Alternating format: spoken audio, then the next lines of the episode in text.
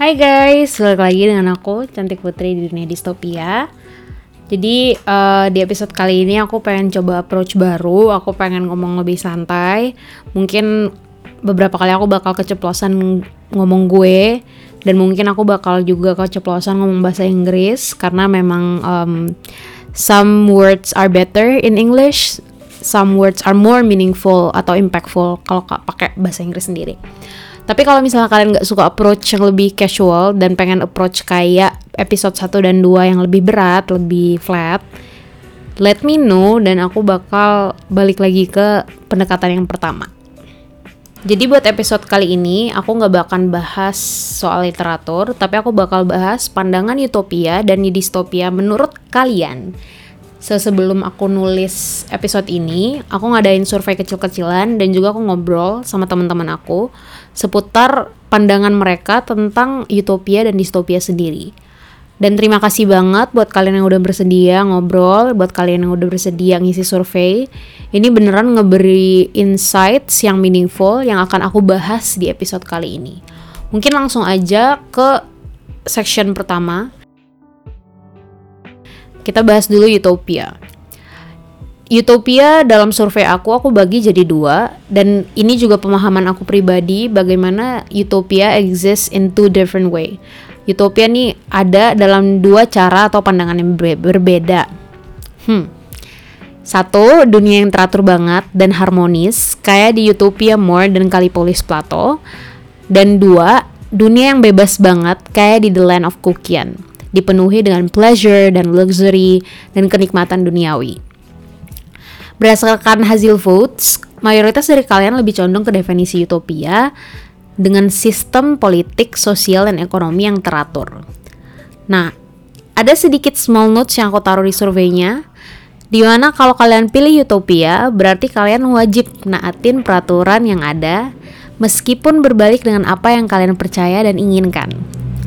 Kenapa personally aku ngerasa ketika kalian tinggal di utopia yang sangat teratur, kalian harus ada melakukan pengorbanan-pengorbanan tertentu karena eventually dalam dunia yang ideal pun ada certain consequences, ada uh, konsekuensi-konsekuensi dan tanggung jawab tertentu yang harus kalian penuhi. Misalnya, dalam Utopia Thomas More, kalian harus naatin kewajiban buat bercocok tanam ataupun di Plato Republik kita kalau misalnya ada di dunia itu harus naatin strata sosialnya. Har meskipun kita nggak suka jadi produser kalau kita nggak suka jadi auxiliaries maka kita harus diem aja dan ngikutin dan comply. Jadi meskipun di utopia ini kalian dalam kondisi berkecukupan dan bahagia tetapi ada roles tertentu yang kalian harus laksanakan dan roles roles ini atau fungsi-fungsi ini adalah fungsi yang diwajibkan sama community utopian ini. Let's imagine ketika kalian pengen punya utopia dengan alam yang bagus, beautiful environment, maka cara yang bisa kalian gunakan untuk mencapai ini adalah kalian harus nge-sacrifice barang dan jasa yang dikomodifikasi massal biar nggak ada pabrik, nggak ada plastik, nggak ada bahan kimia-kimia aneh yang bisa ngecemarin lingkungan. Ataupun kalian juga harus sacrifice atau ngorbanin transportasi. Dan kasarnya bisa dibilang kalian harus balik lagi ke medieval times, zaman-zaman manusia pre prehistoris. Dan balik ke suatu clean slate di mana buat nge-achieve utopia ini emang harus ada perubahan besar-besaran. The thing about this adalah beberapa orang bisa aja pengen ngorbanin semua ini untuk ngelihat utopia alam ini. Dan to be honest, I'm one of it. Kayak aku salah satunya yang pengen banget tinggal di utopia di mana alamnya indah banget. Tapi um, the thing is, ada some people that don't want to sacrifice.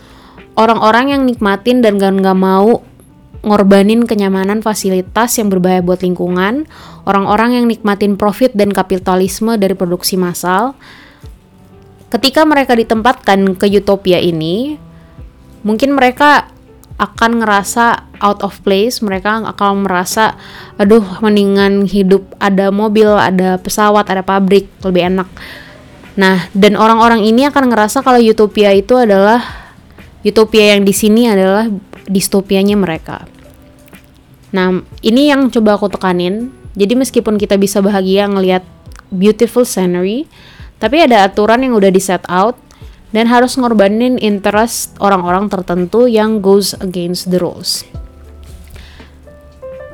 In the end ada beberapa pendapat juga mengenai utopia yang sangat sistematis. Di mana peraturan tuh penting banget sebagai suatu jaminan dan dibutuhkan bukan buat ngatur kehidupan orang, tapi buat mastiin semua berjalan dengan baik secara kolektif. Salah satu pendapat yang aku highly value juga, di mana ada yang bilang gini, yang penting dalam utopia ini kita juga bisa mendapatkan peluang untuk partisipasi langsung dalam menentukan peraturan-peraturan tersebut. Ini kayak yang diterapkan di sistem demokrasi dan in the end ultimate yang beneran utopia ini bisa membuat peraturan yang benevolent, yang adil, dan juga bisa menjaga kesejahteraan masyarakatnya. Nanti aku juga sedikit bahas soal peraturan ini di distopia, but later. Sedangkan minority vote nunjukin kalau lebih sedikit dari kalian membayangkan dunia tanpa sistem sebagai utopia. So, dalam utopia tanpa sistem ini, aku secara pribadi ngerasa kesejahteraan kita tuh belum tentu bisa kejamin kalau kalian bisa refleksiin dengan konsep bebas sebebas-bebasnya, sebenarnya gini, bebas berarti nggak ada peraturan, nggak ada norma-norma, nggak ada tradisi kan? Jadinya kenapa aku bilang sejahtera nggak mungkin? Karena nggak ada yang ngejamin. The point of having rules adalah memastikan kebebasan kalian nggak ngeharm atau ngebahayain orang lain ataupun sebagai safety net untuk ngelindungin anggotanya. Ini kenapa negara bikin aturan kita nggak boleh ngelakuin hal-hal kriminal karena itu ngejajaki atau membahayakan orang lain. Ataupun ada tugas-tugas seperti institusi Kementerian Pendidikan misalnya. Itu ada biar ngejamin ada yang ngatur dan memastikan warga negaranya dapat edukasi dan ilmu-ilmu penting. The thing about utopia tanpa sistem adalah itu berarti nggak ada badan-badan ini, nggak ada peraturan-peraturan ini, nggak ada badan yang menegakkan keadilan, nggak ada badan yang menegakkan kesejahteraan, dan akhirnya orang bisa aja main hakim sendiri.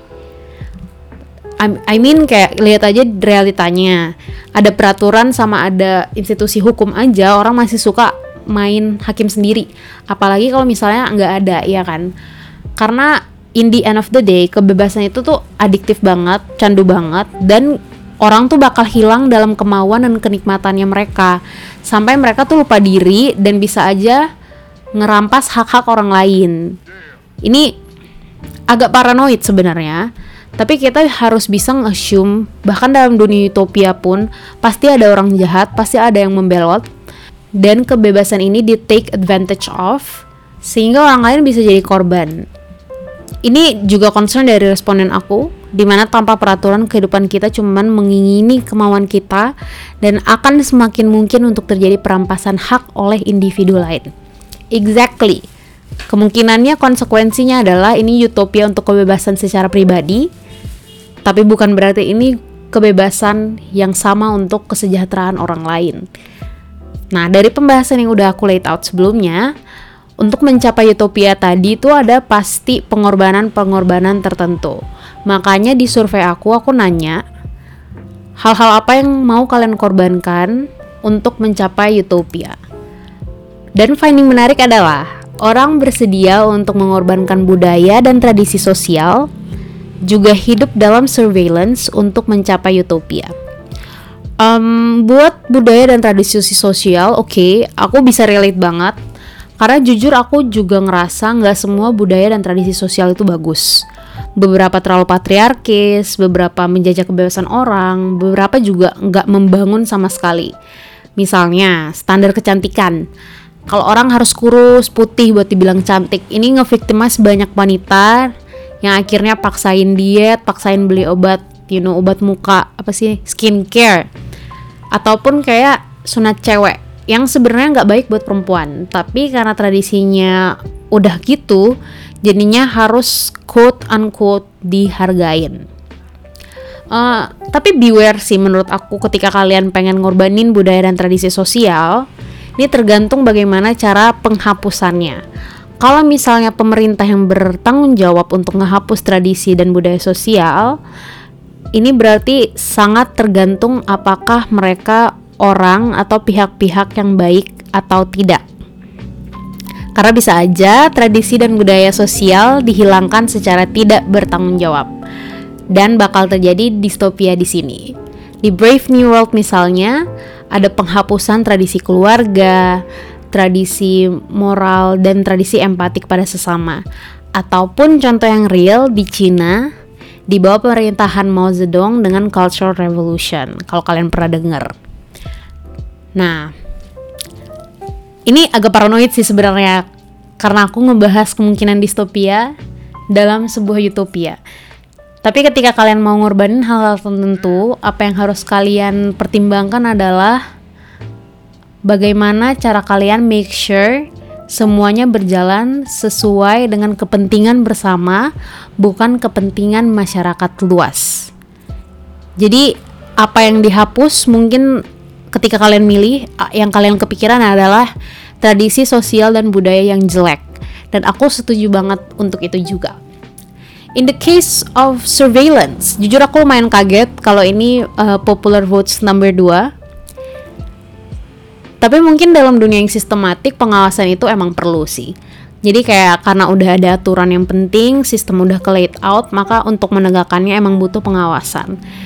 Dan ini juga penting buat negakin kesejahteraan masyarakatnya. Jadi uh, aku ngerti, aku paham kenapa kalian mau ngorbanin surveillance. Tapi um, other consideration adalah surveillance ini juga bisa berarti privasi-privasi kalian akan dilanggar, mungkin laptop dan HP kalian akan selalu diawasi oleh pemerintah, dan sebagainya. Jadi, kalau misalnya kalian mau ngorbanin surveillance, um, make sure that peraturannya tidak akan memvictimize kalian. Jadi, kebebasan kalian masih terjamin, dan kebebasan bergerak, kebebasan berpikir kalian juga masih terjamin. Mari kita bahas tentang distopia. Popular votes menunjukkan kalau orang condong melihat distopia sebagai dunia tanpa sistem tapi dipenuhi dengan kekacauan. Ini linear sama cara kalian mempersepsikan utopia sebagai dunia dengan sistem yang sangat teratur. Jadi distopia dengan sistem yang teratur ini approach umum yang biasanya diambil sama fiksi-fiksi distopia populer kayak 1984, Brave New World, Divergent, atau Hunger Games memberikan pandangan bagaimana bahkan dalam dunia terstruktur pun bisa ngerugiin orang. Nah, in regards to this, salah satu responden 1998 nyampaikan pendapat yang menurut aku menarik banget. Quote unquote, jangan terlalu menceritakan bahwa distopia itu buruk. Aturan atau sistem yang diterapkan pada suatu negara atau komunitas tidak selamanya bikin buruk keadaan. This is so true. Jadi mungkin selama aku bahas distopia tuh selalu ngepicture peraturan sebagai sesuatu yang buruk. Tapi dalam distopia kita ngomongin worst case scenario, skenario terburuk. Di mana sistem dan peraturan yang dibuat di distopia ini goes to the extent yang memperburuk hidup masyarakatnya. Kayak yang aku bahas sebelumnya soal utopia yang terstruktur, kita nggak bisa pungkirin kalau utopia terstruktur tuh bagus emang ketika bisa menjamin kesejahteraan masyarakatnya. Makanya tadi aku sempat bahas ini penting buat kita memahami peraturan atau penting buat kita menjamin kalau peraturan itu tuh benevolent, adil dan menjunjung kepentingan masyarakat luas. Gimana caranya? Kita harus ngelihat orang-orang yang dibalik peraturan tersebut, orang-orang yang ngebuat peraturan tersebut dalam dunia yang distopia banget, masalahnya adalah aturan ini dibuat oleh orang-orang yang tidak bertanggung jawab dan disalahgunakan biar memastikan orang-orang tersebut terus memegang kekuasaan dan tetap mengandaliin masyarakatnya. Contoh, di 1984, Big Brother dan partai di Oceania membuat sistem dan aturan untuk memastikan kalau mereka bisa terus megang kendali atas masyarakatnya dari bahasa, surveillance, manipulasi kebenaran dan sejarah, dan bahkan orang yang berpikir beda dikit pun akan langsung ditangkap dan di brainwash atau dieksekusi. Di sini meskipun peraturannya ketat banget, kaum proletar hidup dalam kemiskinan, tapi sedihnya mereka tuh sudah sengsara, cuman tetap harus naatin peraturan dan sistem yang udah ada. Karena kalau enggak, nyawa mereka bakal terancam. Ataupun kalian bisa ngambil contoh yang real banget di Cina. Di Cina ada kebijakan yang disebut social credit system. Mungkin abis ini kalian bisa baca-baca dikit soal itu. Yang mastiin kalau pemerintahan bisa ngendaliin masyarakatnya dalam bentuk poin. Jadi kalau kalian berkelakuan baik, poin kalian akan baik. Dan jika poin kalian tinggi dan baik, kalian juga akan mendapatkan fasilitas-fasilitas yang baik juga jadi kalian pasti kepikiran kan? Ya santai aja lah. Kan aku nggak ngelanggar hukum nggak bikin poin aku buruk. Nah di sini ada salah satu investigasi jurnalist namanya Liu Hu yang ngebongkar korupsi dan kejahatan pejabat negara. Tapi poin dia tuh malah jelek.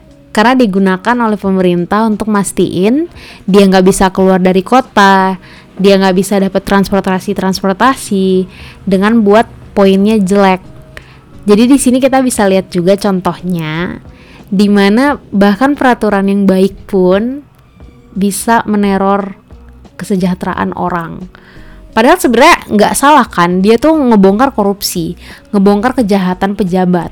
Sesuatu tuh yang harusnya dipuji-puji oleh negara dan juga masyarakatnya, tapi malah dia diasingkan. Jadi bottom line is suatu sistem atau aturan yang baik atau buruk tergantung pada kita untuk make sure kalau aturan itu berbasis pada kesejahteraan masyarakat, bukan berbasis pada kerakusan dan kekuasaan pihak-pihak tertentu. Dan tanggung jawab kita, tapi ini nggak perlu jauh-jauh ke dunia distopia atau utopia, tapi juga tanggung jawab kita di kehidupan bernegara sekarang sebagai masyarakat kita juga harus bisa melihat arah ke mana pemerintahan kita, ke mana peraturan-peraturan yang terjadi, dan mastiin ini nggak bakal ngerugiin kita juga. Nah, tapi dibandingin sama dunia distopia yang terstruktur, lebih banyak dari kalian yang membayangkan di mana dunia yang nggak ada sistem, tapi dipenuhin dengan kekacauan.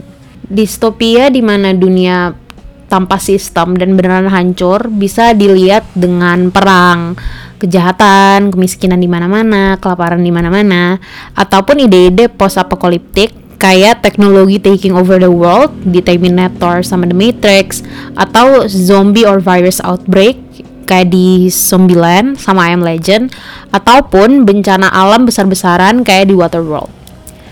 Jadi perbandingan signifikan mungkin kenapa orang lebih milih skenario ini daripada skenario sebelumnya adalah relatively easier untuk hidup di negara dengan peraturan yang mengekang daripada kalian harus hidup melawan teknologi pembunuh ataupun zombie ataupun hidup dalam perang. Iya nggak sih kayak kalau misalnya kalian hidup di distopia dengan sistem opresif atau totaliter, kalian masih punya opsi nih selain bertahan hidup. Bisa comply terhadap sistem tersebut, ngikutin apa yang mereka mau, apa yang pemerintahannya mau, dan setidaknya nyawa kalian tuh nggak terancam. Tapi di opsi satu lagi, kalian bisa mati kapan aja. Kalau kalian nggak bisa ngelawan robot atau zombie, di kedua opsi ini bakal ada satu kemungkinan yang bakal terjadi yaitu kemanusiaan dan empati kita bisa hilang. Ini salah satu popular choice ketika aku nanya apa sih yang menurut kalian ngeindikasiin distopia.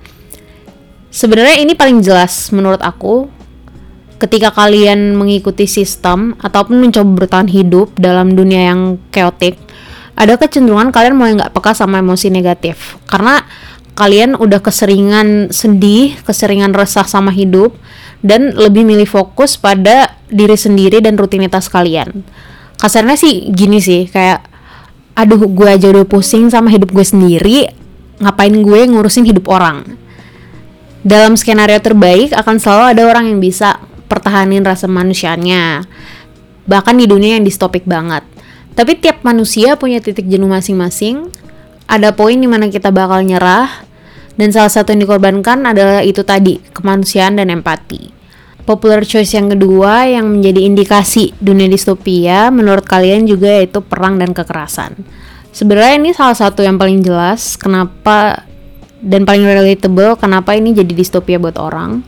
karena hidup dalam perang itu nggak diinginkan sama sekali kayak kondisi negara baik politik dan ekonomi nggak stabil orang-orang paranoid sama apa yang akan terjadi sama hidup mereka dan akhirnya pun kalian kita nyawanya juga selalu terancam tiap harinya kalau kita hidup dalam perang dan ini beneran terjadi di abad 20 dengan World War, Cold War ataupun sebelum jauh sebelum itu pun ada banyak perang untuk nge-establish dinasti kayak Bay Mongolian atau dinasti Qing.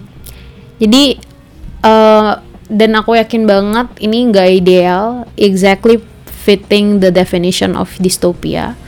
Karena emang nggak ada aja orang yang pengen hidup di dalam perang. Dan we have to be thankful karena kita sekarang ini nggak ada dalam perang. Selain dari karakteristik yang aku taruh di surveinya, yaitu pemerintah totaliter, surveillance yang melanggar batas privasi, stratifikasi kelas, kemiskinan dan kelaparan, global warming dan bencana alam, hilangnya kebebasan berpikir, dan dominasi perusahaan atau korporat dalam struktur ekonomi, ada karakteristik-karakteristik atau pertanda distopia yang juga di-provide sama koresponden dan ini konkret banget. Misalnya mabuk agama, korupsi, ketidakadilan pemerintah, ego manusia yang menghalalkan segala cara untuk bertahan hidup ataupun untuk mendapatkan apa yang mereka inginkan. Ada juga yang bilang bagaimana overthinking tentang hidup itu distopia, juga kesenjangan ekonomi dan sosial. This all true dan hal ini berdasarkan observasi ataupun apa yang dialami kalian sekarang dan menurut aku relevan banget dalam konteks di mana gini loh ini bukan dari pihak pemerintah aja tapi juga dalam hidup bermasyarakat. Misalnya nih orang yang mabuk agama, kadang mereka terlalu fokus dan terlalu percaya sama agama mereka sendiri sampai diskriminatif dan intoleran terhadap agama-agama lain. Ataupun ego manusia yang menghalalkan segala cara untuk mendapatkan apa yang mereka inginkan. Ini beneran terjadi dan kita bisa lihat di kehidupan sehari-hari di mana ada orang yang muka dua dan backstabbing dan aku yakin banget kalian pasti pernah ketemu tipe-tipe orang kayak gini. But why it is a dystopia? Jadi distopia tuh nggak perlu dari pemerintah yang jahat atau dari mafia dan teroris yang jahat, tapi distopia juga bisa kebentuk dari kehidupan bermasyarakat, kehidupan sosial, ketika kalian jahat ke orang lain, ketika kita mulai luntur rasa empati dan simpati, ini bisa ngebentuk distopia tersendiri karena kita sebagai manusia terus mengharm orang lain. Mungkin itu itu aja sih yang pengen aku bahas in regards to distopia. Moving to the next segment, aku bakal nge-compare dua dunia ini, utopia atau distopia. Dan sebelum aku nge-compare secara langsung, sebenarnya ada satu pertanyaan yang pengen aku bahas. Jadi, dalam kondisi apa pun, kalian mau di distopia, mau di utopia, ataupun di kehidupan nyata, kalian bakal dihadapkan dengan satu pertanyaan penting. Apakah yang akan kalian prioritaskan? Kebebasan ataukah kesejahteraan? So, aku pertama kali ngerenungin pertanyaan ini dan galau banget sama pertanyaan ini gara-gara aku baca bukunya Aldous Huxley Brave New World. Di buku ini digambarkan kalau dalam distopia dan somewhat utopia buat orang-orang new states, kalian tuh hanya bisa milih salah satu dan opsi lainnya tuh harus dikorbankan. Jadi kenapa dalam distopia dan utopia ini pertanyaan penting? Jadi kalau misalnya kalian di distopia dan hidup di I don't know Panam Panam kota di Hunger Games, berarti gini loh. Kalau misalnya kalian jadi Katniss Everdeen, kalian punya pilihan untuk diem aja dan ngikutin apa yang kotanya mau, ikut aja Hunger Games-nya dan ya udah gitu. Tapi kalian juga punya pilihan untuk start revolution dan mulai untuk melawan pemerintah. Ini basically it kayak kebebasan adalah di mana kalian revolusi dan menuntut hal yang lebih baik dan kesejahteraan di mana kalian bisa aja diem terus dan nggak peduli sama dan sekitar tapi kalian masih bisa survive. Ini juga muncul di pertanyaan survei aku dan surprisingly lebih banyak dari kalian yang milih kesejahteraan daripada kebebasan. Jadi karena kebanyakan dari kalian yang ngisi adalah milenial mungkin ini salah pemikiran aku juga. Aku ngira lebih banyak bakal milih kebebasan. Tapi ternyata lebih banyak dari kalian prefer uh, ke kesejahteraan.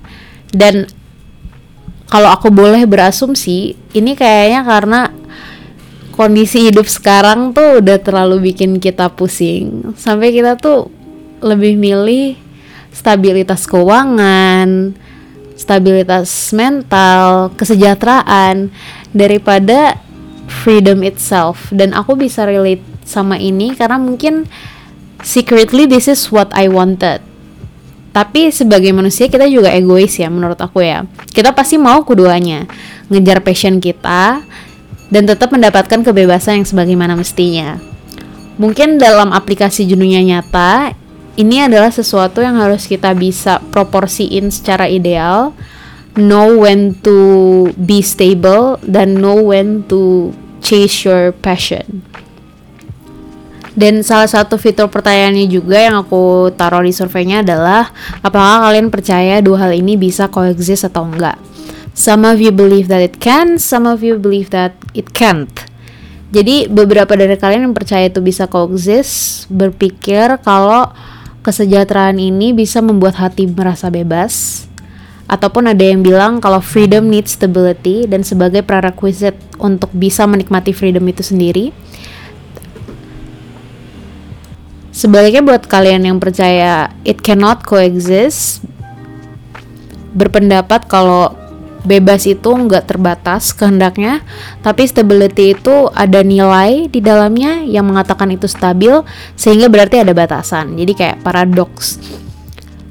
Jadi what I get dari pertanya uh, pernyataan-pernyataan kalian, penjelasan-penjelasan kalian adalah uh, pemahaman ataupun persepsi kita soal kebebasan dan stability itu berbeda-beda bisa aja kalian menganggap stabilitas adalah sesuatu yang berarti kalian hidup nyaman ataupun sebaliknya bisa aja ada yang menganggap kebebasan itu bukan uh, hidup yang gila-gilaan minum dan party tiap hari tapi mungkin kebebasan adalah di mana kalian bisa terus berseni mengemukakan pendapat tanpa ada batasan-batasan yang ngekang kalian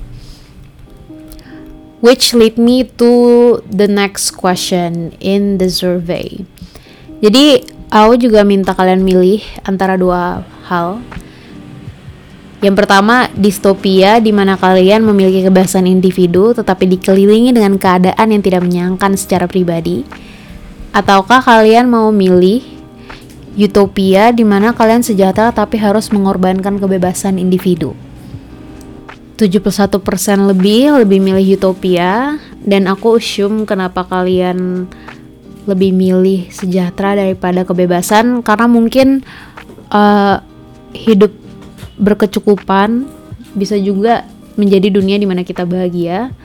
Dan kebebasan gak selamanya sesuatu yang bisa ngeliberate ataupun menunjang well-being kalian. Dan aku juga setuju uh, aku pribadi akan lebih milih utopia di mana sejahtera tapi harus ngorbanin kebebasan individu karena mungkin lebih baik untuk ada kesejahteraan tapi nggak seja daripada nggak sejahtera sama sekali. Pilihan kedua yang aku minta kalian pilih adalah utopia di mana kalian tidak peka atau desensitize dengan emosi positif karena kalian terlalu sering bahagia ataukah kalian milih distopia di mana kalian tidak peka atau desensitize dengan emosi negatif. What I'm trying to ask di sini adalah dalam utopia tuh kita bakal bosen sama kebahagiaan. Bisa jadi, bisa jadi kebahagiaan tuh nggak ada meaningnya lagi. Ini apa yang ditunjukin di Brave New World karena orang ditunjang sama psikodelik, sama soma, sama obat-obatan antidepresan gitu, dan kebebasan seksual, mereka bahagia tapi dengan cara yang dangkal. Ataupun kalau kalian nonton SpongeBob yang episode di mana di mana Squidward akhirnya bisa tinggal di tempat yang dia suka, yang semuanya isinya kayak dia dan dia bisa tiap hari nari, tiap hari main klarinet dan berseni. Ujung-ujungnya dia ngerasa itu flat banget dan ngerasa bosan dengan rutinitasnya dia. Ini what I'm trying to picture dengan pertanyaan ini. Di mana kalau kalian pilih utopia, mungkin aja kalian bisa terjebak dalam situasi di mana kalian bahagia tapi bahagia itu nggak bakal semeaningful ketika kalian di distopia. Kalau kalian distopia dan tiap hari kalian udah ngerasa resah dan segala macam ketika kalian encounter happiness ketika kalian ngelihat pemandangan yang indah ataupun ketika kalian menerima kasih sayang dari orang itu bakal terasa lebih meaningful karena kebahagiaan itu jadi sesuatu yang langka atau jarang kalian temuin. Sebaliknya di opsi ini ada uh, di mana kalian hidup di distopia tapi kalian tidak peka dan disensitize sama emosi negatif. Kebalikannya yaitu di mana distopia kalian disensitize sama emosi negatif. Aku udah bahas sebelumnya di mana mungkin aja kalian kehilangan kemanusiaan dan empati, tapi setidaknya ketika kalian menemukan kebahagiaan kalian bakal nge-cherish it properly.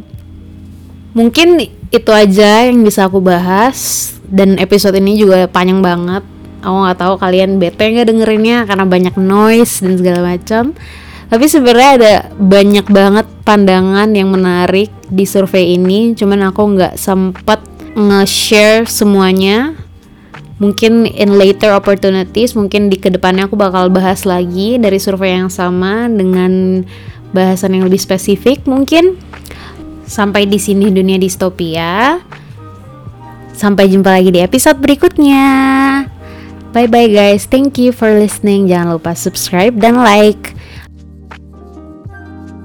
Dunia Distopia dipersembahkan oleh Waves, platform audio yang membawakan podcast, audio learning, dan audiobooks di Asia Tenggara. See you later. Bye bye.